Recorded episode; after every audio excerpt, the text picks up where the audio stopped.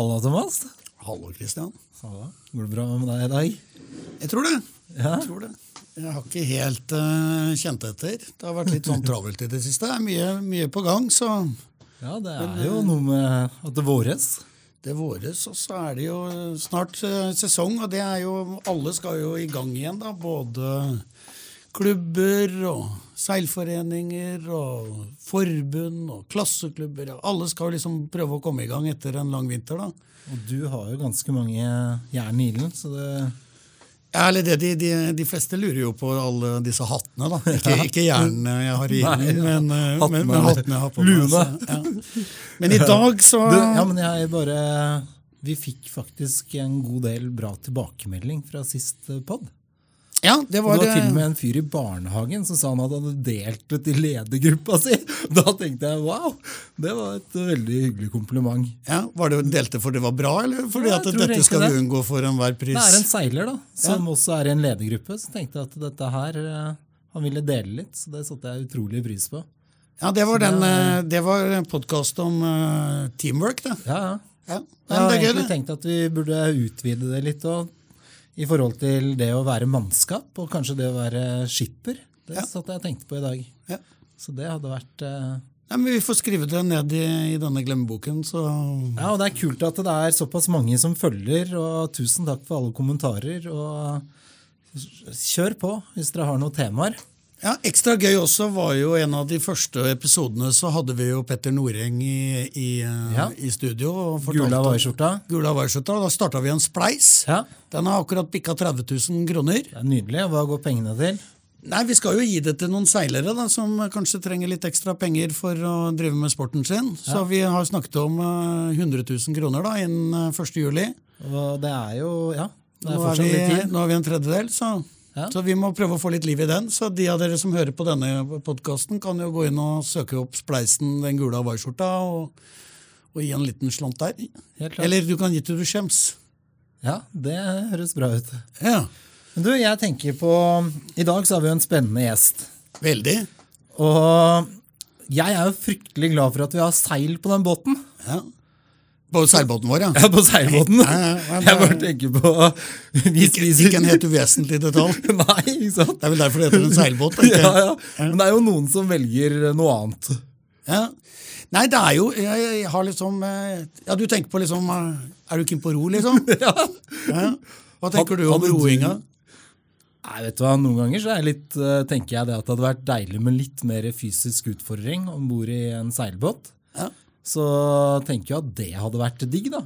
Men ellers så tenker jeg at det er ganske smooth å bli med vinden. Jo, men eh, før, vi, før vi røper uh, gjesten i studio, så tenker jeg Nå har jo, uh, nå har jo vi starta denne podkasten sammen, og vi har uh, Du driver med noen spennende ting innenfor dette med mm, ja, båtførerprøven og alle disse digitale kursene. Sjøakademiet. Sjøakademi og sånn. Og Ja.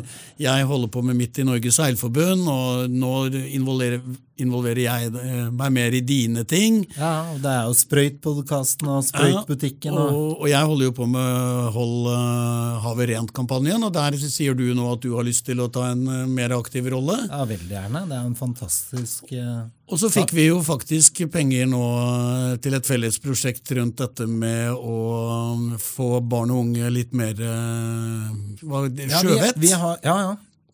I Sjøakademiet så driver vi med noe som heter Sjøknappene. Og så prøver vi å krydre det med litt eh, sjøvett og fjordvett og kanskje litt realfagskompetanse også. Så der fikk vi jo penger fra Sjøfartsdirektoratet sammen med Norges Seilforbund. Ja, Og det skal nok bli en del av noe som heter Bli maritim. Vi får se. Det blir spennende. Men vi har sagt at han ror. Ja, Jeg har sagt litt om Og hold ikke ganske kjapt òg. Ja, Ikke sånn roing som jeg gjør, nå at jeg prøver å ro meg unna ting. Men, eh, men eh, vi har en eh, som sagt i studio. Han er flink til å ro. eh, Og holde Men- pusten. Å holde pusten er han også. Er god under vann nå. Ja, ja. Ikke bare over vann, sånn som det vi kan. Og så er det jo en grunn til at jeg har sagt dette med å holde havet rent. Ja, Jeg har jo hatt litt med han å gjøre tidligere, ja. og han imponerer meg både ved å være toppidrettsutøver. Kommer, var jo i OL i Tokyo i, i, i fjor sommer. ja. Men uh, Ja, Du sa at eh, dette er en fyr som imponerer deg, og at han er en av de som virkelig leverer et godt bidrag inn i det å holde havet rent og rydde. og eh, Ja, nei, jeg tenker som Vanligvis så er mitt bilde av sånne toppidrettsutøvere det er at de skal trene, spise, bæsje og sove. Eh, at det er liksom hele 24-7-programmet. Så jeg syns det er litt sånn kult med, med toppidrettsutøvere som kan kombinere de tingene også med noe som, som er litt større enn seg selv. da. Ja, Skal vi røpe gjesten, da, eller? ja jeg syns det. Kom igjen. Ja. Velkommen, Martin Helseth. Takk for det. takk for det. Ja. Velkommen. Hva tenker du? Er, du, er det spising, trening, bæsjing og soving Det, det det går er jo egentlig stort sett det det bør, det, det bør gå i. Ja. Men ja. vi, får, vi har jo litt rom til å gjøre litt andre ting imellom. Det er sånn Trene fire timer om dagen, og så tar det tar ikke så lang tid å spise. Det tar litt lang tid å sove, men det er fremdeles en del timer igjen. da. Så jeg tenker at det, Å bruke den tida på å gjøre ting som er litt gøy, i tillegg til idretten, det, det, det er noe jeg setter stor pris på. Ja, jeg tenkte Før vi kommer inn på selve den, eh, det havengasjementet ditt, så fortell litt om deg selv. Eh, Jeg har jo sagt at du er toppidrettsutøver, men fortell litt hva, hvor du er fra, hvem du er, eh, når du begynte med roing. Hva er planene fremover, videre fremover? Ja, jeg er 27 nå, og jeg begynte å ro når jeg var 11. Så jeg har tatt noen tak. Jeg begynte å ro i Ålesund, der jeg kommer fra. Det er jo både en fin roklubb og seilklubb i Ålesund. Så Er de rett ved siden av hverandre? ja, de er litt, litt ved siden av hverandre, og det er litt, litt irriterende å ro i nærheten av seilbåter, for de, de oppfører ikke De driver ikke og viker så fælt. Altså, vi, vi må vike, og vi, vi med- kommer med ryggen til. Så det er jo, en, det er, jo et, eh, ja, det er litt styr. Men, eh, men ellers er det fint. Det er to fine aktiviteter i og for seg.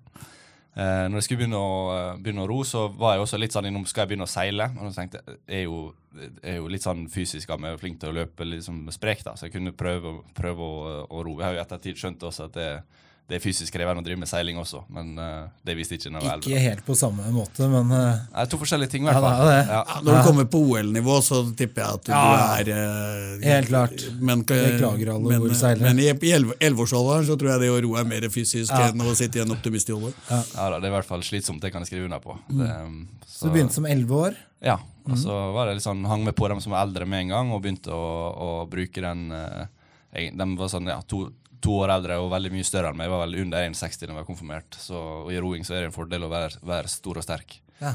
Så jeg fikk, eh, måtte være flink til å trene da, for å kompensere for den, eh, den vekstforskjellen.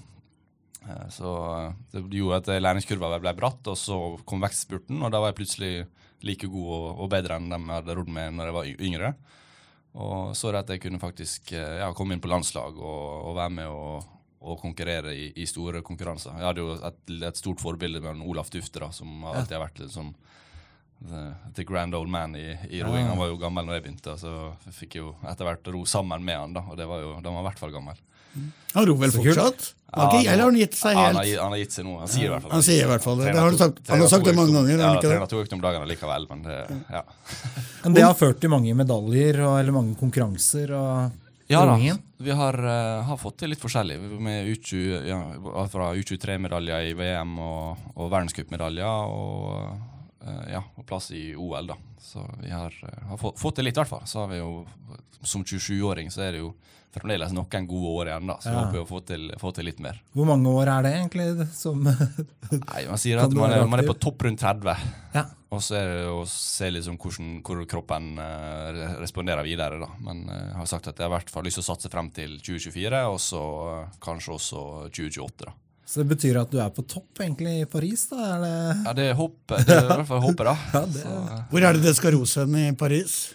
Eh, det, er, det er en innsjø eh, i nærheten av Paris. Jeg er litt usikker på akkurat hvor. Så, det er jo utgravd innsjøer vi ror på. da. Så vi er ikke, stort sett ikke ute i havnebassenget. Vi var I Rio så var vi ute i havnebassenget, i samme område som seilerne. Men, eh, men vi liker litt, litt smulere farvann enn det, enn det seilerne gjerne gjør. da. er det for å unngå strøm og bølger, eller er det for å Ja, det Båtene våre er, er med, er smalere enn rumpa. og eh, så Det er litt sånn sidebølger. og sånt. Eh, Sju meter lang båt det er, ikke, det er ikke det mest populære. Så vi fikk jo kjenne litt på det sidebølger til og med i, eller vi var i Tokyo og takla, det dårlig. da. Så det, vi skal Men hvor dypt er det på en sånn bane? Jeg er litt avhengig av, men Når den er utgravd, så er det en, eh, bare en tre-fire meter dyp, tenker jeg. Ikke, ikke så voldsomt. Mm. Nok til at de skal kunne stikke årene ned, det er jo at de ikke tar bort i bunnen, så er vi fornøyd. Men det var, det var firer du eh, hadde i Tokyo. Ja, dobbeltfirer. Dobbeltfirer. Ja, så det er Forskjellen på en firer og en dobbeltfirer er at når du ror firer, så har du ei år over, og så når du er dobbeltfirer, så har du to år over. Ah, Så det var dobbeltfirer nå? Ja, det var er det dobbelt. det der i Paris òg, eller? Ja, Det er usikkert ennå. Vi, eh, vi har fått ny trener, og Olaf har gitt seg, og litt sånn omrokeringer innad i laget. Så vi, eh, vi driver og, og skal legge litt den kabalen nå og finne ut hva som kan gå fort, og hva som vi må, vi må eh, Ja, hva vi skal ønske å satse på. da.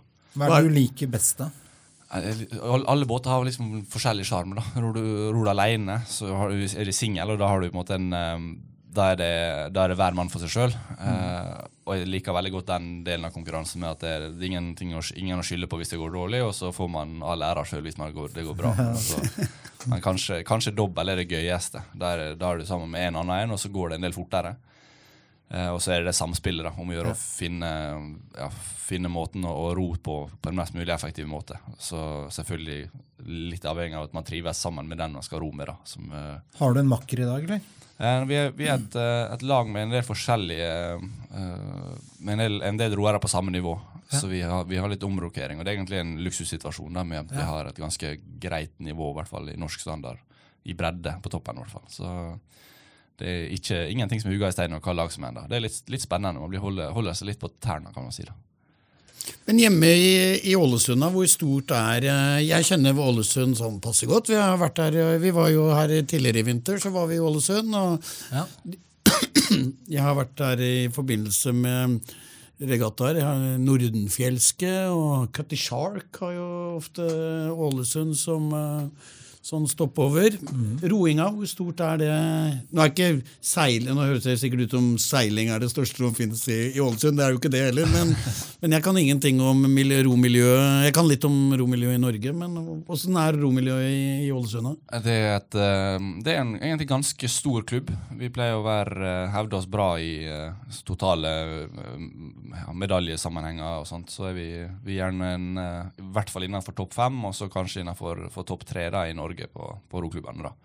Så det er jevnt med aktivitet i alle aldre, og du har en, en fin fjord som går innover. og så har du også, du kan velge egentlig litt hva retning vi ønsker å ro. da.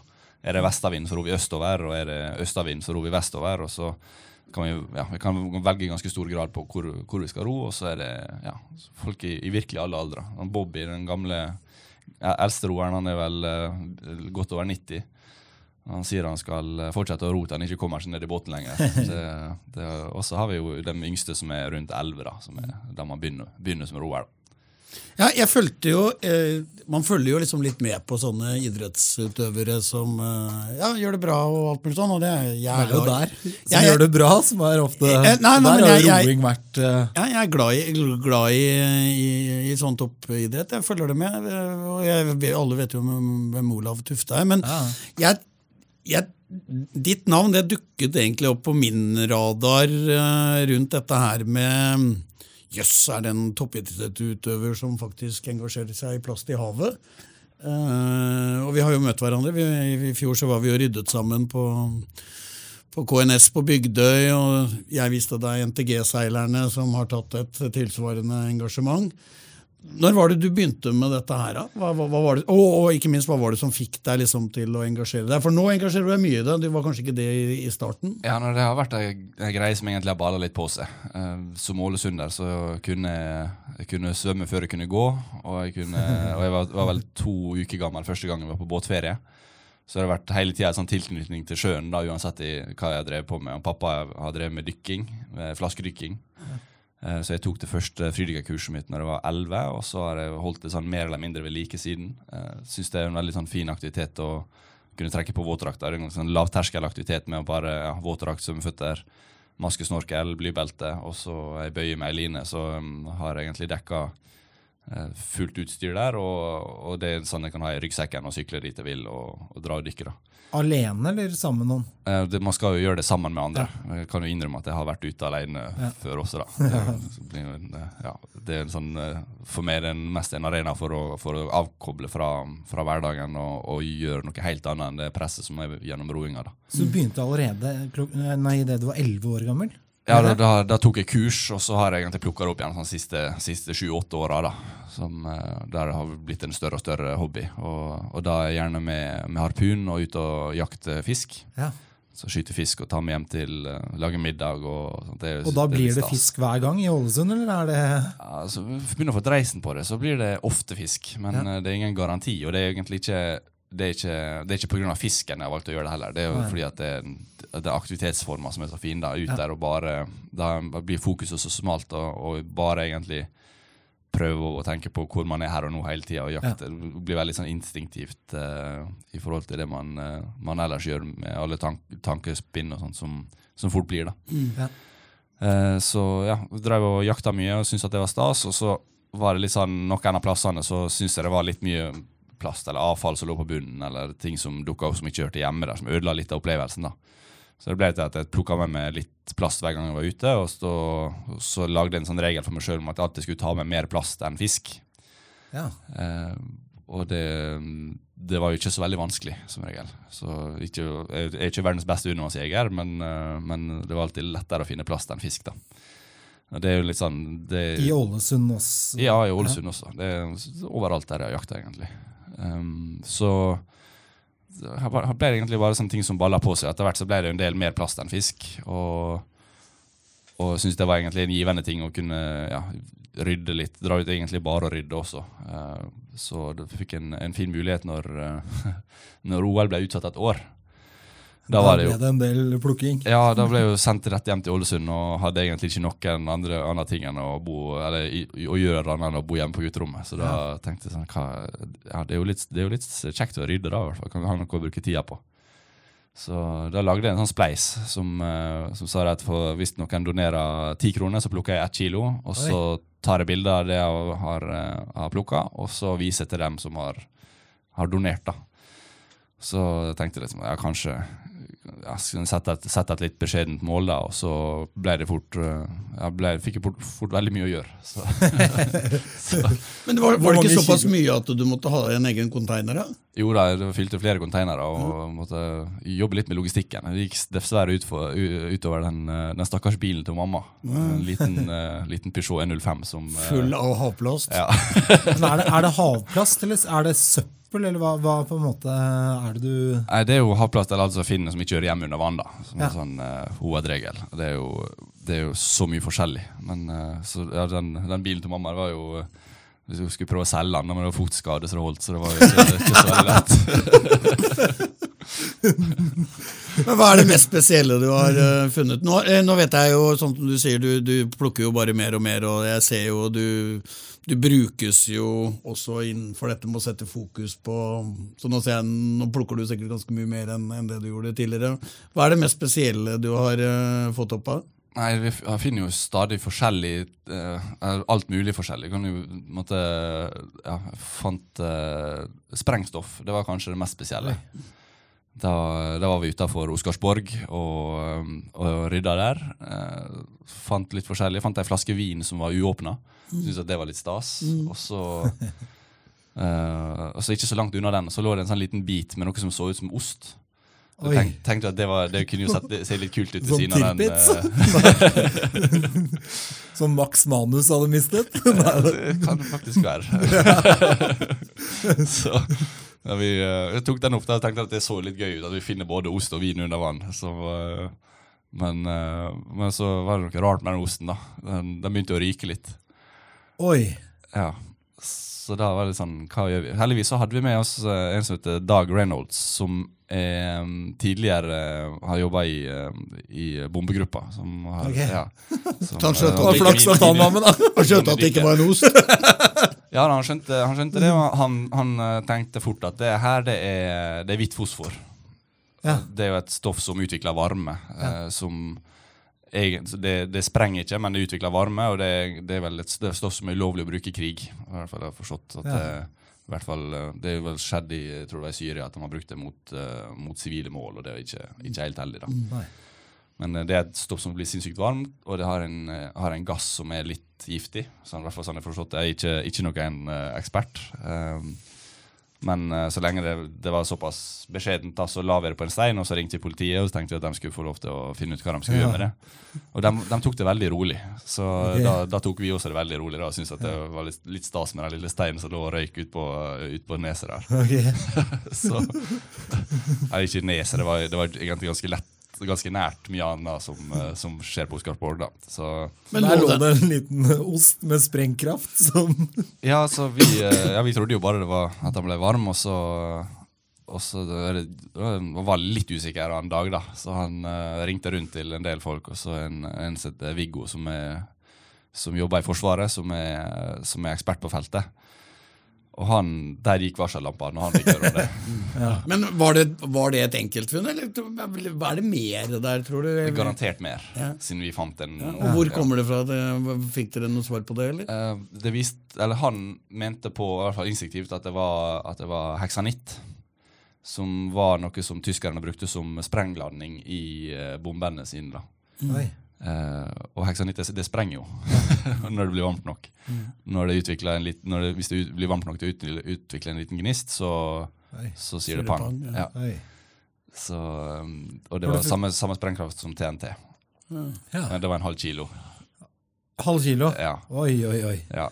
Så med en gang jeg fikk høre det, så ble den tuppa rimelig fort. Jeg opplevde i Forsvaret å bli sprengt inn, kaltes det. Så da måtte man liksom ligge i nærheten av sprengstoff. Nei, nei, Skyttergrop. ja, fytti rakkeren. Jeg blødde neseblod. og jeg har vært, har vært, det var ikke noe gøy, altså. Jeg har vært der. Det var omtrent som å bli slått, med en svær dør. Ja, sto en fyr med sånn FN-hjelm med litt sånn revner i, som var skytebass. Så det var nei. Gjør man det ennå, tror du?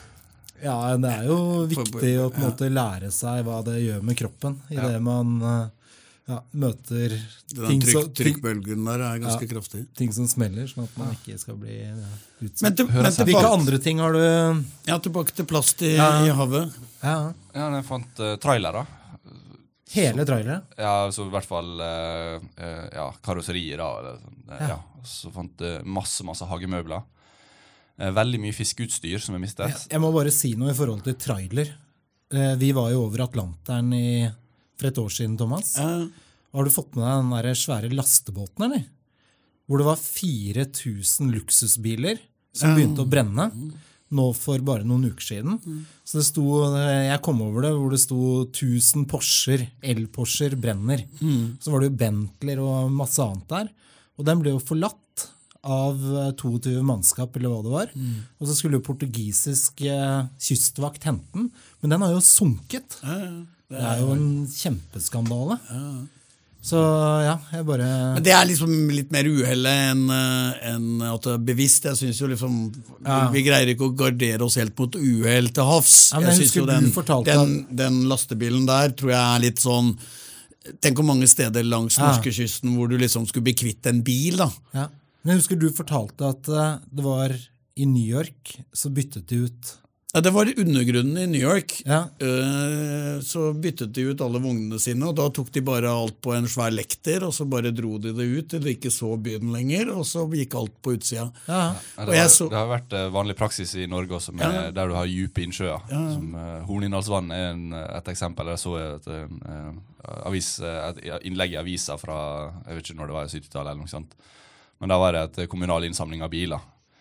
Så kjører de til Hornindalsvannet, og så blir de kjørt midt ut på, midt ut på isen. og Så blir de forlatt, og så når, når det blir varmt, så Nei. smelter isen, og så synker bilene til bunnen. Så de ligger der enda. Men de hadde jo, den, den, den morsomste er den der svenske reklamen mot forsøpling, som er fra sånn 60-70-tallet. Eh, hvor de gjør harselas av noen som kaster uh, søppel ut av en sånn uh, skjærgårdsjeep. og da er det sånn ah, Hva er du så jævlig tjukk i huet? Du kan jo ikke kaste søppel ut! Du må jo putte en stor stein ned i posen sånn at det synker! og, det, og, det, og jeg tror nå har jeg jobba ganske mye med, med, dette med marin forsøpling, og, og, du har jo også gjort det. og det, det, er, det er, jo den der, det er så, det er så inngrodde holdninger. Mm Så- Sant? Når vi vokste opp på, på, på Når jeg var på båttur, så var jo det lære å rive i stykker en sånn burk eller knuse en flaske. Det var liksom måten du forsvant på. Yes. Og, og uten å nevne navn, eh, så var- var det en, en venn av meg, faren hans var så opptatt av miljøet og alt mulig sånt, så han ville ikke brenne ting. Det var liksom det å brenne var liksom, giftig gass, Ja, masse giftig gass. Og han eh, putta masse stein i posen og dro, rodde ut og kasta søpla i havet isteden.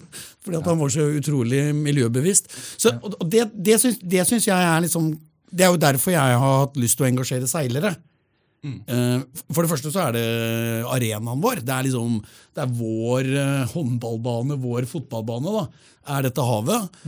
Og, sant? Jeg mener, Hadde det ligget masse dritt på fotballbanen din, så hadde du plukket det opp. Og det er litt sånn det jeg tenker med, med havet. Det er nok en veldig fin innstilling å ha, tror jeg. Og, og, og Derfor liker jeg veldig godt det der når, når det engasjementet som du har. Jeg vet ikke hvordan det er sånn generelt i romiljøet. Er du liksom en sånn eh, Får du med deg andre i, i miljøet? Ja, I roinga så er det, det er noen som er interessert, men det er, ikke et, eh, det er ikke et like klart standpunkt som er tatt i roinga som det er på, i seilinga. Det syns jeg er litt synd. Jeg prøver på en måte å gå litt foran i, i idretten min da og gjøre det. det. Det er noen, det er liksom typisk enkeltutøvere i forskjellige land som tar litt initiativ, og som, som gjør det, men det er ikke, det er ikke jevnt over ei holdning eller noe som, som det satses på. da. Så jeg vil si at det er all honnør til Seilerforbundet som har gått foran i, i den, på den fronten der. Ja, Vi har jo veldig Ja. lyst til å, å egentlig En av de tingene vi jobber med, er jo å engasjere andre særforbund også. Nå, nå, nå er, blir jo særforbundene eh, flinkere og flinkere på det, og bærekraft kommer høyere og høyere opp på, på lista. Men vi har jo snakket om i veldig mange år at uh, nå er det Vi kan jo begynne med de vannbaserte idrettene. da. Nå har vi jo fått en sportssjef i Eirik Verås Larsen som har blitt uh, Fra kajakk. fra kajakk, og så har vi Roforbundet. Er jo, vi holder jo til i, der hvor jeg jobber, ute, oppe på Ullevål stadion, så er jo alle der. Så jeg tenker at um, kanskje man kan greie å knytte disse forbundene som, og begynne med de som er veldig eh, nærme vann. da. Ja. Og, og vi har jo Hold havet rent. jeg mener, Selv om det er en kampanje som forbundet har startet. Ingenting hadde vært bedre enn hvis vi kunne fått med andre særforbund og bare sagt vær så god. Hjelp oss. La oss, la oss gjøre dette sammen. Ja, Det håper jeg skjer. Det, det er rart med det. Vi har, eh, når vi ror, da, så har vi jo helt utrolig mange bøyer som, er, som driver og markerer hvor vi ror. Og De løsner fra tid til annen. Og selv om vi ror på en innsjø, så, så er det et, en av innsjøene som forsyner Eller som eh, der, der går ei elv ned til Oslofjorden. Og, og jeg ser sånne bøyer som, går, ligger langs hele, hele landet på alle sider. Og jeg ser også bøyer nederst i fjorden, der jeg der, i Bunnefjorden, der jeg drevet Ja, ja, ja. og rydder rydda en del. da. Hvor i Bunnefjorden er det du rydder henne? Uh, helt inn i Nesset. Nesse, ja. ja XJ har jo Vi har jo en, en Ja, av da, det det er en, eh, Lars Bjørnes som driver Ja, den. Som Han er jo tidligere roer. ja, han er, Ja. Jeg kjenner Lars godt, Ja, jeg. ja. Ja. Han er jo servicesjef på Exot. Stemmer. Ja, ja, jeg har jo han, jeg hadde jo Hvilket år var det han han, var han har ute og ei, eh, han, Jeg fikk jo ei pionerjolle som jeg har liggende inne, inne på Nesset. Ja. Som eh, jeg bruker til sånn ryddebåt. Og det er også veldig fint å stoppe på vei tilbake fra trening og så stikke nedom der og kanskje ta og spise litt ute i, ut i båten og gå, dra, litt- ja, dra litt rundt i fjøra og rydde litt, og så, så dra videre hjem. Det er sånn fin, fin Men kjente, kjente du Lars fra Har han hatt noen rolle i din uh, rokarriere, eller? Ja, da, Lars har vært med hele veien. Han er en, eh, en bidragsyter, og han er jo sjef for toppidrettsutvalget nå i, i Roforbundet. Ja, ja, Hvilket år var det han var ute og Han har rodd OL, har han ikke? Han har rodd i flere OL. ja. Han var, han, var, han var med helt inn til 90-tallet. han. Ja. Så, Nei, jeg kjenner han godt fra, fra Det er rart ikke jeg kobla dere to uh, sammen. Det, nei, det, Men det er jo sånn- ikke så stort. Men jeg eh, har jo et forhold til strendene, og et forhold til rundt uh, holmer og skjær, og litt det jeg ser i vannet. Men kan ikke du gi en sånn liten rapport fra hvordan ser det ut på bunnen, egentlig? På, på bunnen er det litt, litt forskjell i Oslofjorden og, og i Ålesund, som jeg har vært, brukt mest tid. da. I Oslofjorden så er det mye mer eh, engangsartikler av eh, plast som man ser kommer fra husholdninger. Eh, på Vestlandet og Ålesund så er det mye mer eh, type industrielt og fiskeutstyr. og og Oppdrett. Større, ja, større ting. Men det som er overalt, det er bildekk. Er det det? Eh, det, jeg skjønner ikke hvordan det er mulig at, det, at bildekk virkelig er overalt. At det ligger en haug med bildekk nede for, for kaianlegg, f.eks., Ja. der, der bildekk er brukt som øh, fendring. Det gir god mening, men, eh, Men at jeg, kan, eh, at jeg drar og, og fridykker og svømmer, svømmer en kilometer ut til en liten holme, og så plutselig ligger det bildekk der òg. Men er det ikke en del av det sånne slepebåter og sånne lekter og sånn som bruker bildekk som rett og slett fendere? Jo, jeg lurer på om det. Og så det- må det kanskje også være det at eh, folk vet ikke hvordan de skal bli kvitt det. Nei. det er Men da, har du, daterer du det Finner du ut av hvilke år det er fra? Sånn, eller vet Nei, men det er alle aldre. Du ser bare hvor mye som er hvor, mye, hvor slitt det er. da. Og Det er jo for dem som er nesten så vidt henger sammen, og så for dem som er helt ferske, som uh, fremdeles har mønsterdybden som er grei. på en måte. Så det er en, eh, ja, og og får, du får dekk i alle størrelser. Altså, det, det, det er utrolig mye. Vi, vi var ute på um, uh, på Utafor Nesodden for ikke så veldig lenge siden og plukka jeg er sikker på det var 150 bildekk. Oi. Så bare, Det var så åpenbart dumping. da, Noen som hadde tatt et lass med bildekk. Kan du se noe som helst forvitring på de dekkene da? Er det noe som helst på en måte som havet har gjort? Det, det blir litt, litt slitt, og så særlig når man tar på dem, så ser man at det, det, man får et sånt svart belegg på, på Ja. fingrene, og, og vet at, det, at bildekk inneholder 20 forskjellige miljøgifter. Eh, Så det er noe som noe, noe skikkelig svineri, så eh, det bør vi slutte med med en gang. i hvert fall. Ja. Men du, når, du da, når du er på så store ting, er du da fortsatt fridykking, eller er det det med flasker også? Nei, Da vi dro på 150 dekk, da var det, da var det etter hvert bare jeg som fridykker. Jeg fikk, eh, fikk, jeg fikk, litt, eh, treningsøkt, men det var, vi, fikk, eh, dem, vi var en liten gjeng, da. Men de andre ga seg, og så fortsatte jeg å dykke. Og så sto de fra land og kasta ut en krok, og så svømte ned og festa kroken i dekk, og så trakk de andre det opp. Ja, kjent, Jeg, jeg, eh, tok et dykkerkurs da vi snakket litt om Forsvaret. Jeg var, og så har jeg dykka ganske mye sånn um, i forbindelse med vasking og seilbåter, så jeg beveger meg liksom i et sånn fire-fem meter uh, sjikt. Det, det, det er det fineste sjiktet, det. Eh, og som sagt, jeg er ikke noen dykker, men jeg bruker det mer som et redskap. Sånn fridykking. Hvor, hvor lang tid er du under, egentlig? Jeg på Hvis du skal lete etter plast og store Jeg vil bare ting fortelle og... at jeg, har, eh, jeg er litt redd vann. Jeg fant faktisk det er fint, å, fint å komme nå når vi har vært Ja. seit over Atlanteren. Og... jeg var, eh, jeg, jeg var faktisk Jeg tror jeg var åtte år, så fant jeg eh, et lik i vannet. Oi. Så det var, eh, det var ikke noe gøy. Så det satte et sånn skikkelig støkk i meg. Det var på sommerferie utenfor Falkenberg. Så det var ikke noe gøy, men i hvert fall det har gjort at jeg har blitt litt redd vannet. Det forstår jeg godt, da. Og så er det jo også seilingen da, som også har gjort at uh, man skal jo søren meg ikke falle ut i det der. Så det Ja, det er det de sier, sånne nordnorske fiskere som ikke kan svømme. Det er bare fordi at de skal ikke ut i det vannet i det hele tatt. Det er ikke noe vits i å kunne svømme. Nei, så jeg var på et sånt eh, Så tenkte jeg nå skal jeg virkelig ta og utvikle meg selv. Så jeg dro på et fridrykkekurs til eh, jeg tror det var Hellas. Og bodde på et fyr der sammen med noen kompiser og prøvde meg. Jeg fikk det helt, aldri helt til, jeg var litt for stressa. Men eh, noen ganger så kom jeg litt ned der og kjente at frittfallet begynte. Ja. For en følelse, altså. ja, Det er helt magisk. Jeg drev litt med, litt med konkurransefridykking også, som uh, kalles apnea. Ja. Det er jo en egen, egen idrett det er dyp, å fridykke dypest mulig. da. Det er jo, det er også den, det, den følelsen av at når man kommer ned under under tolv meter, i hvert fall, da, da, begynner, da er lufta i kroppen så komprimert at man begynner å, synke av seg sjøl. At man slipper å svømme, man bare synker. Og det, jeg har aldri hoppa i fallskjerm, men jeg tror det er litt av, den samme, det, litt av det samme rushet når man bare ligger helt stille og så synker nedover i dypet. Det, Men, men for, å, for, for å få eh, Jeg spurte hvor lenge er du under? Jeg, jeg bare tenkte på Hvis du skal, hvis du skal, hvis du skal lete etter søppel jeg, hvor, hvor lenge Jeg kjenner at eh, Jeg husker jeg, jeg var i svømmebasseng og lå og liksom, jeg, jeg husker jeg klarte liksom kanskje noen minutter. da men, men da lå jeg jo helt stille og liksom eh, lå bare og fløt og ikke rørte. Jeg tenkte på liksom, Hvis jeg skal svømme rundt og begynne å lete og løfte på ting, så tror jeg fader ikke jeg hadde klart et minutt engang. Hvor lenge er det du er under på det meste? Sier vel at det, I den ene idretten min så handler det om å bruke mest mulig oksygen. Eh, I roing. Ja. Og ha, ha store muskler som krever masse oksygen. Og ja, egentlig være, være en skikkelse som, som der kroppen skal trenge masse oksygen. Og det er jo, det er jo ikke ideelt som fridykker, der det, der det handler om å ha størst mulig lunge og minst mulig kropp. Ja. Så jeg holder ikke pusten. Jeg har vel holdt den i fire minutter, eller noe sånt, og så har jeg dykka sjelden mer enn to minutter mm. om gangen. Og så har vi en regel om at vi må i hvert fall være på overflata dobbelt så lenge som man er under vann. Ja.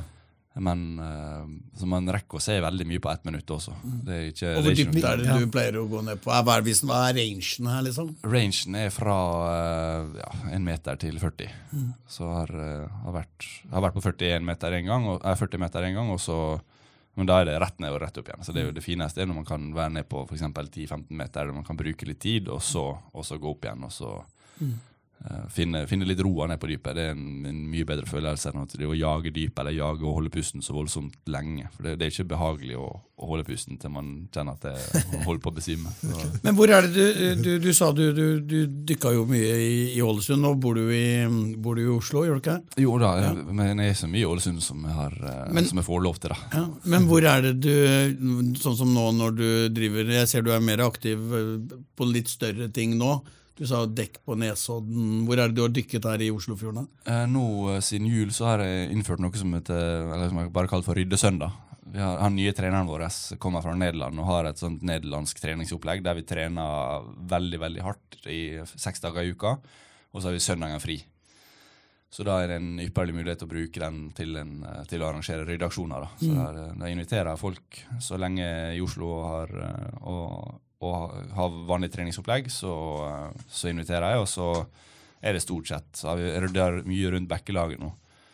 Eh, siden jul så har det vært eh, ja, både eh, Ulvebroa, Malmöbroa, eh, ut rundt ja, Ormsundbroa også.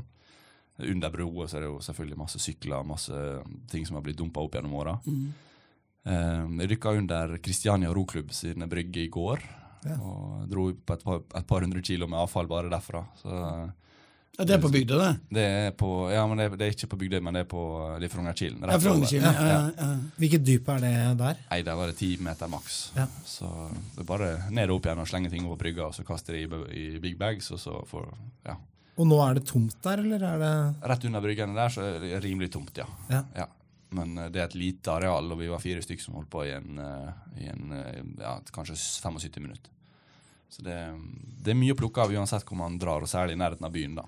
Hvor mye Hvordan? tror du at du har plukket opp gjennom årene nå? Du sa du begynte for syv-åtte år siden. Hva er det Ja, sånn Aktivt har jeg jo har holdt på med det kanskje i tre år, da. Ja. så jeg vil tro at det er kanskje snittet av fem tonn hvert år. Noe sånt.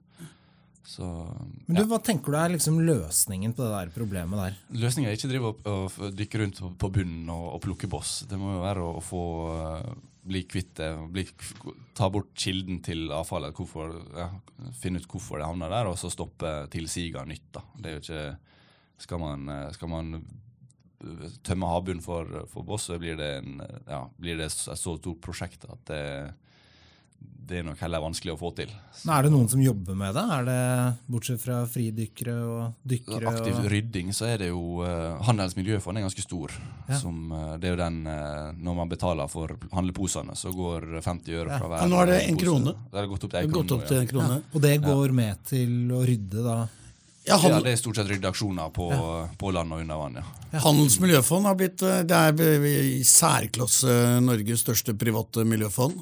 Og det er jo da disse plastposene fra, fra dagligvarebransjen. Og de bruker jo sist jeg det, det Handels miljøfond har, har hjulpet oss i Norges Selvforbund også. Jeg tror, Nå er det noen år siden, men da snakket man om at det var mellom eh, 600 000 eh, plastposer i Nei, millioner plastposer i, i, i året. Så det er en enormt forbruk. Helt sånn insane. Så den, eh, den eh, Jeg tror de får inn noe sånn som 400-500 millioner kroner i året på den kr ja. kronen Så det er der. mange, mange som jobber Eller det er flere og flere jobber som blir at man er fulltidsryddere. da. Ja. Vi har In The Same Boat, Ja. som jeg har vært og rydda mye med. Ja. Eh, De rydder også under vann?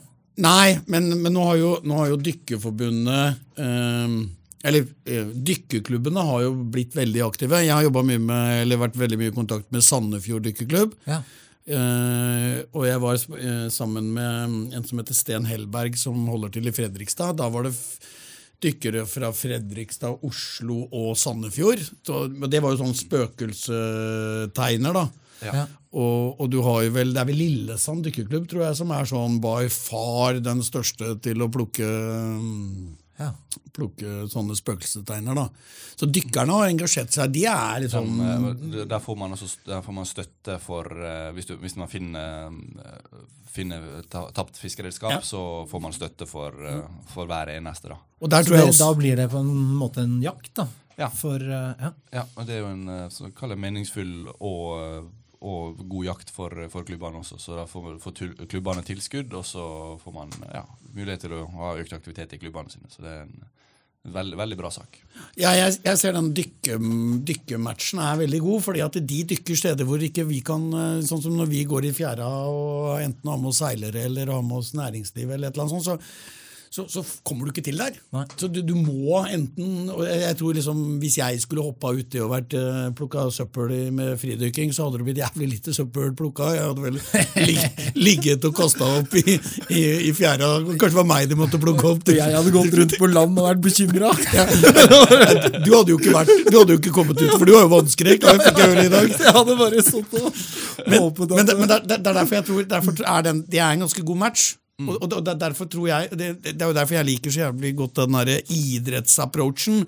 Fordi at øh, Nå kommer jeg fra seiling selv. Mm. øh, og seiling er en liten særidrett med 25 000 mennesker, eller medlemmer. Norges idrettsforbund er over to millioner medlemmer. Tenk deg, tenk deg hvis alle de hadde at alle hadde vært som Martin. da Ja. Fem tonn i, i, i året, da. Ja. Så, at, så hadde det jo vært helt absurd. Det er en tribune rett der borte, i Sandvika. Ja, Under der så er det så mye søppel. ja, Og det er en elv som er rett ved siden av, så hvis det blir østavind der, da Nei, nei, det er helt vilt. Det er helt vilt. Så, så jeg, det, det, er derfor, det er derfor jeg har lyst til å gjøre mye ting sammen med, med, ja, med dere på Sjøakademiet, med Martin og, og roere, med dykkerklubber og alt mulig sånn. Og jeg bare ser sånn som Du snakket om det der med bildekk. Den der eh, dykkerklubben i, eh, som plukker mest, det er jo den i Haugesund, med han eh, Åge V. Ok. Han, de plukker altså du, de, de begynte inni det der Smeasundet. Da stopp, stoppa de det helt. Og det, jeg, vet ikke, det er sånn helt ufattelige mengder med Ja, det er helt vanvittig. Vi hadde, hadde en redaksjon sammen med Plastpiratene på um, i Drøbak. Mm. Rydda den gamle fergekaia der. På én aksjon så var det fem tonn. Så vi fikk Oi. dro opp med bare dekk. Ja, det er jo Utafor ei kai. Så det, det sier noe om uh, ja, dimensjonene på det. Wow. Hvis man har lyst til å være med på noe av det du holder på med, inviterer du folk, eller er du Jeg inviterer på eh, stort sett gjennom klubben min som heter Sparrows Oslofjord. Eh, så legger jeg ut både på sida for medlemmer og sida for dem som følger med på, på gruppa. Og sier fra stort sett hver eh, onsdag eller torsdag før en redaksjon med sted og tid. Og så eh, da er det bare å slenge seg med. Hvis ikke, så er det bare å sende med en melding direkte, så sier det fra når, eh, når neste, neste aksjon er. Så Og det er med eller uten våtdrakt? Ja da, det, det, det er fullt lov å holde seg på land hvis Ja. man ønsker det også. Vi har en, det er ganske effektivt sånn som vi gjør nå. Dykker vi ned, og så fester vi krok i det vi vil dra opp, og så står det noen på land og trekker opp. da. I hvert fall hvis vi er i nærheten av ei brygge eller ei bro eller et eller annet sted der det er mulig å trekke opp eh, sånt. Kan man hjelpe til med båt òg, eller? Absolutt. Ja. Det har vi gjort litt av i, eh, under de lengre broene. Så har vi tatt med båt, og det også er veldig effektivt. jeg ser dykkere, og det, der tror jeg det også har vært fridykkere. De er ved siden av KNS sitt seilsportsenter på, på Ulabrand på Bygdøy. Der er det en stor, diger, fin strand nå. Der er dykkerne, og har, eh, der tror jeg det har vært fridykkere også. Oslo Dykkerklubb har vært der. Og, så det er en ganske fin match. Det er veldig mange fine initiativ. Som, men, Men, men bare for å komme tilbake til det du sa, da, at vi løser ikke problemet ved å dykke og plukke. og det ser jeg jo, Nå har jeg holdt på med dette her siden 2016. Um, og det er jo, jo mer du jobber med marin forsøpling, jo lenger kommer du opp på land. Ja. Eh, og det var en som sa til meg at dette her er sånn, hvis du kommer opp i, på badet ditt i andre etasje, og det fosser eh, vann ut av badekaret fordi det er oversvømmet, hva begynner du å gjøre? Så begynner du å øse tilbake? gjør, eller du, gjør du sånn som meg, og så går du ned i kjelleren og så begynner du å øse der. Ja, ikke sant? Men, men eller skrur du av krana?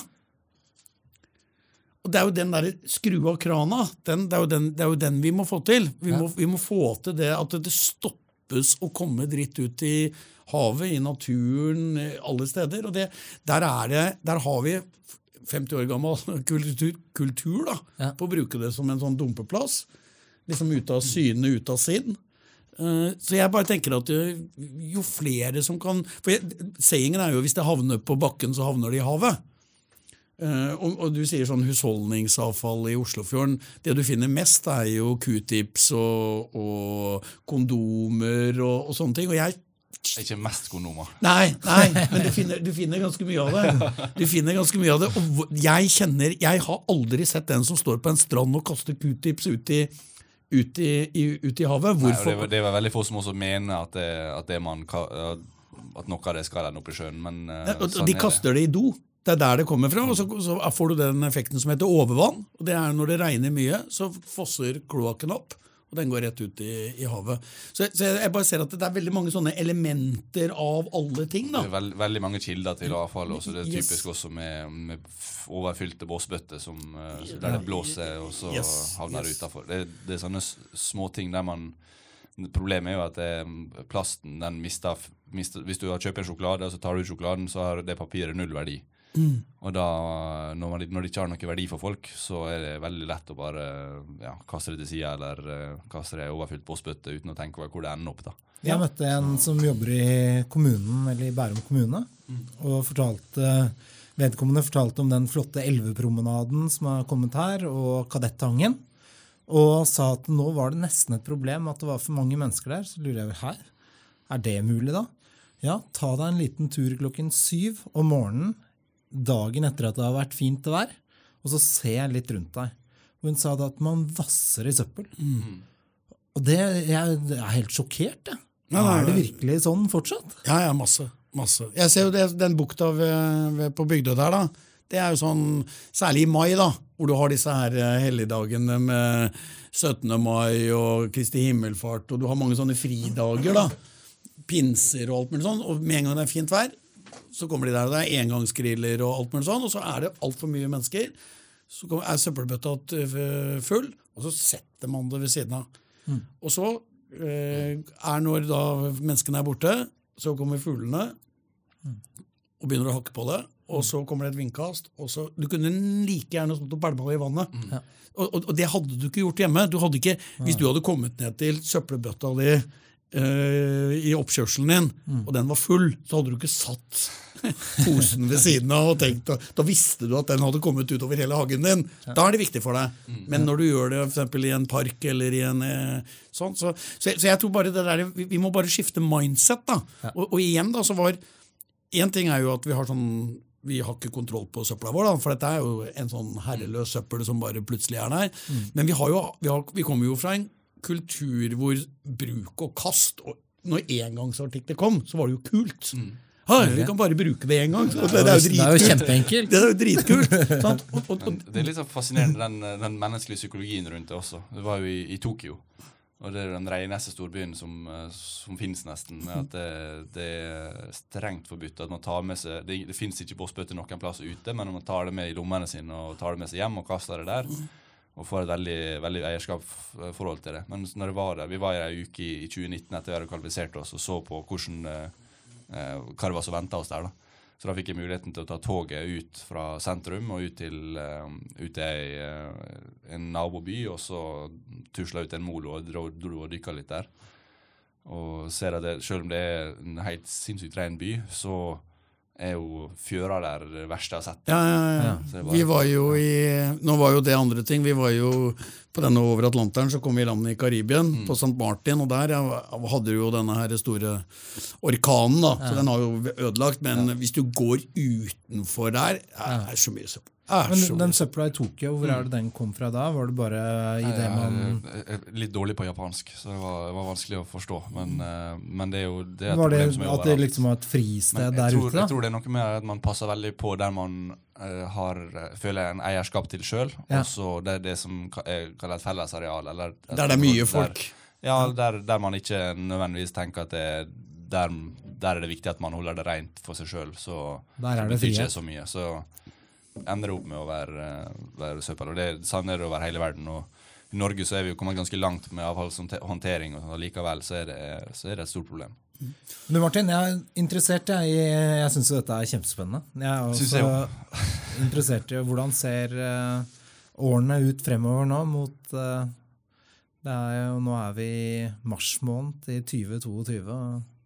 Hva skal du fremover? Jeg tror det, det, det er litt sånn Jeg liker å svare på det spørsmålet, så liker jeg å si Vet du hva du skal om, om Ja, det Ja, veldig godt! Nei, søren, der tok du det. Nei, kan ikke du bryte podkasten da?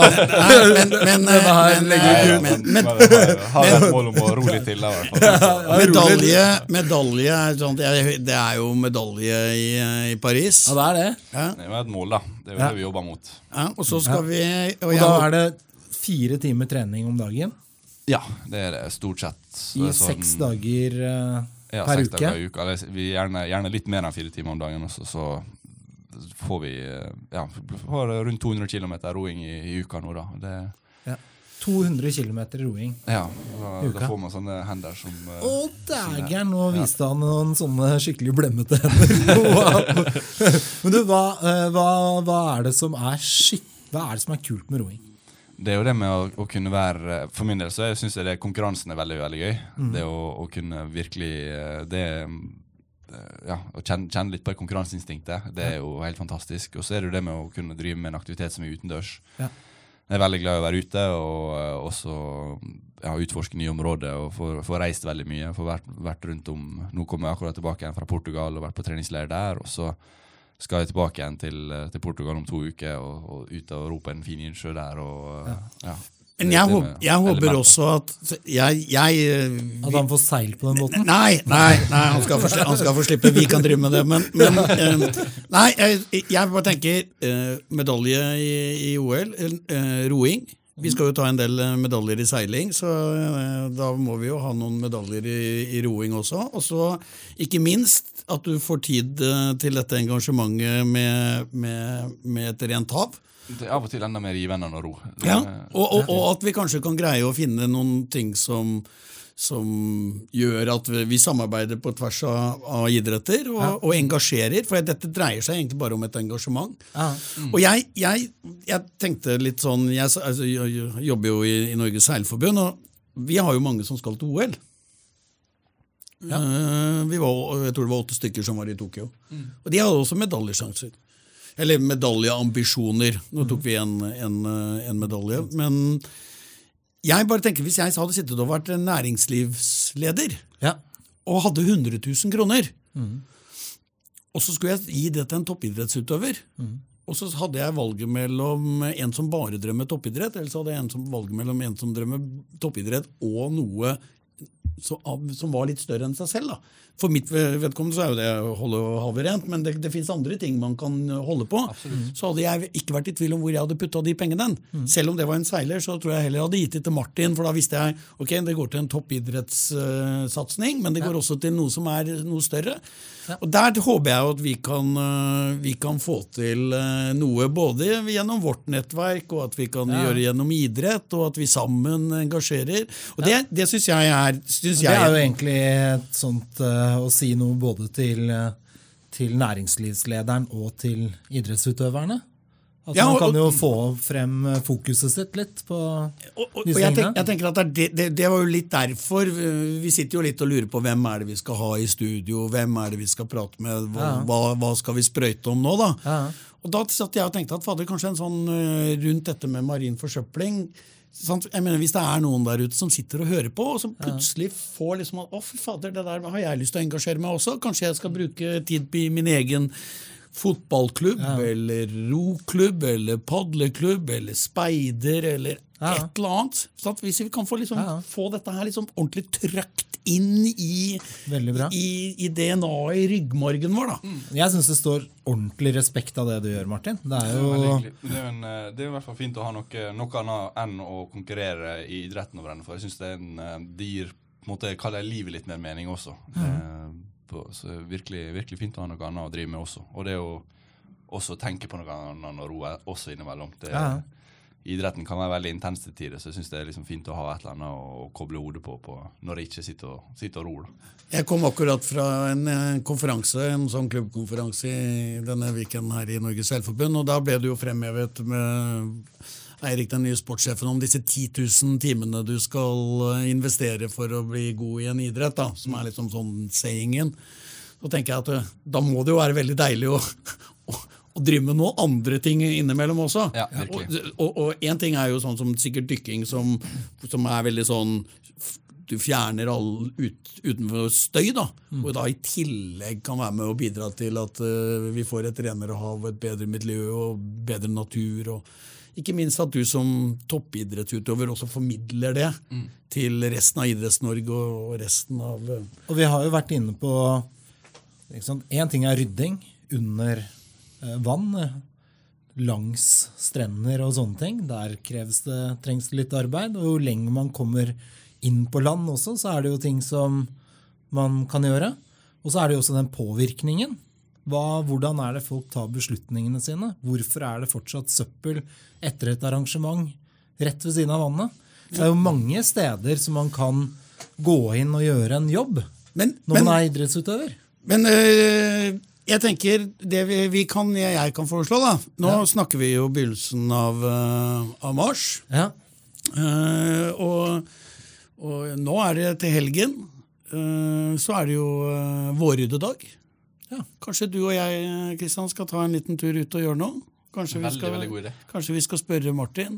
Kanskje vi skal liksom være flinkere til å engasjere litt? da? Både i egen klubb, i egen familie, i egen, på skoler og alt mulig sånn.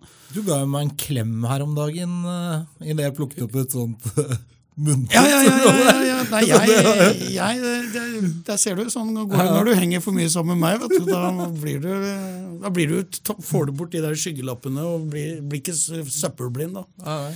Nei, men Veldig bra, Martin. Dette her syns jeg var en, en, en, en god prat. Jeg kjente litt, jeg har jo pratet med deg tidligere, og jeg hadde liksom lyst til å få det litt ned på teip. og Vi har jo hatt en samtale om dette litt en gang tidligere. Jeg tenkte jeg, fader, det der må vi få ut også i podkasten vår. Veldig kjekt å bli invitert. Ja, jeg, så kjekt å bli inspirert. Så tusen takk. ja.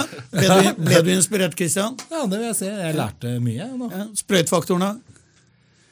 Ja, den, uh, det den er nok der. Ja, Den ligger som et sånt lite teppe over eh, hele samtalen. Det Jeg syns det er trygt ja, med den sprøytegreia. At man har muligheten til å liksom plumpe uti. ja, det som er Og bare skylde på sprøytefaktor. Jo, jo, det som er fordelen, er at det, det er at når du sier noe jævlig teit nå, så kan du si at jo, men vi må jo sprøyte litt også.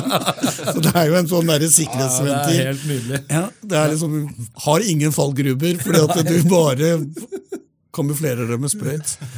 Nei, men Bra det, Kristian. Takk skal du ha, Martin. Og så får vi som sagt prøve å se om vi kan uh, gjøre enda mer sammen. Både i podkastsammenheng og i ryddesammenheng. Veldig bra. Nå skal du sykle hjem, du. Ja, gjør det. Ja, bra. Det var en li liten sving. Det er. Det er også bærekraft. Ja, det er nydelig. Nei, men Bra, det. Takk for i dag. Ja, takk for det. Ha det bra, Kristian. Ha det! Ha det.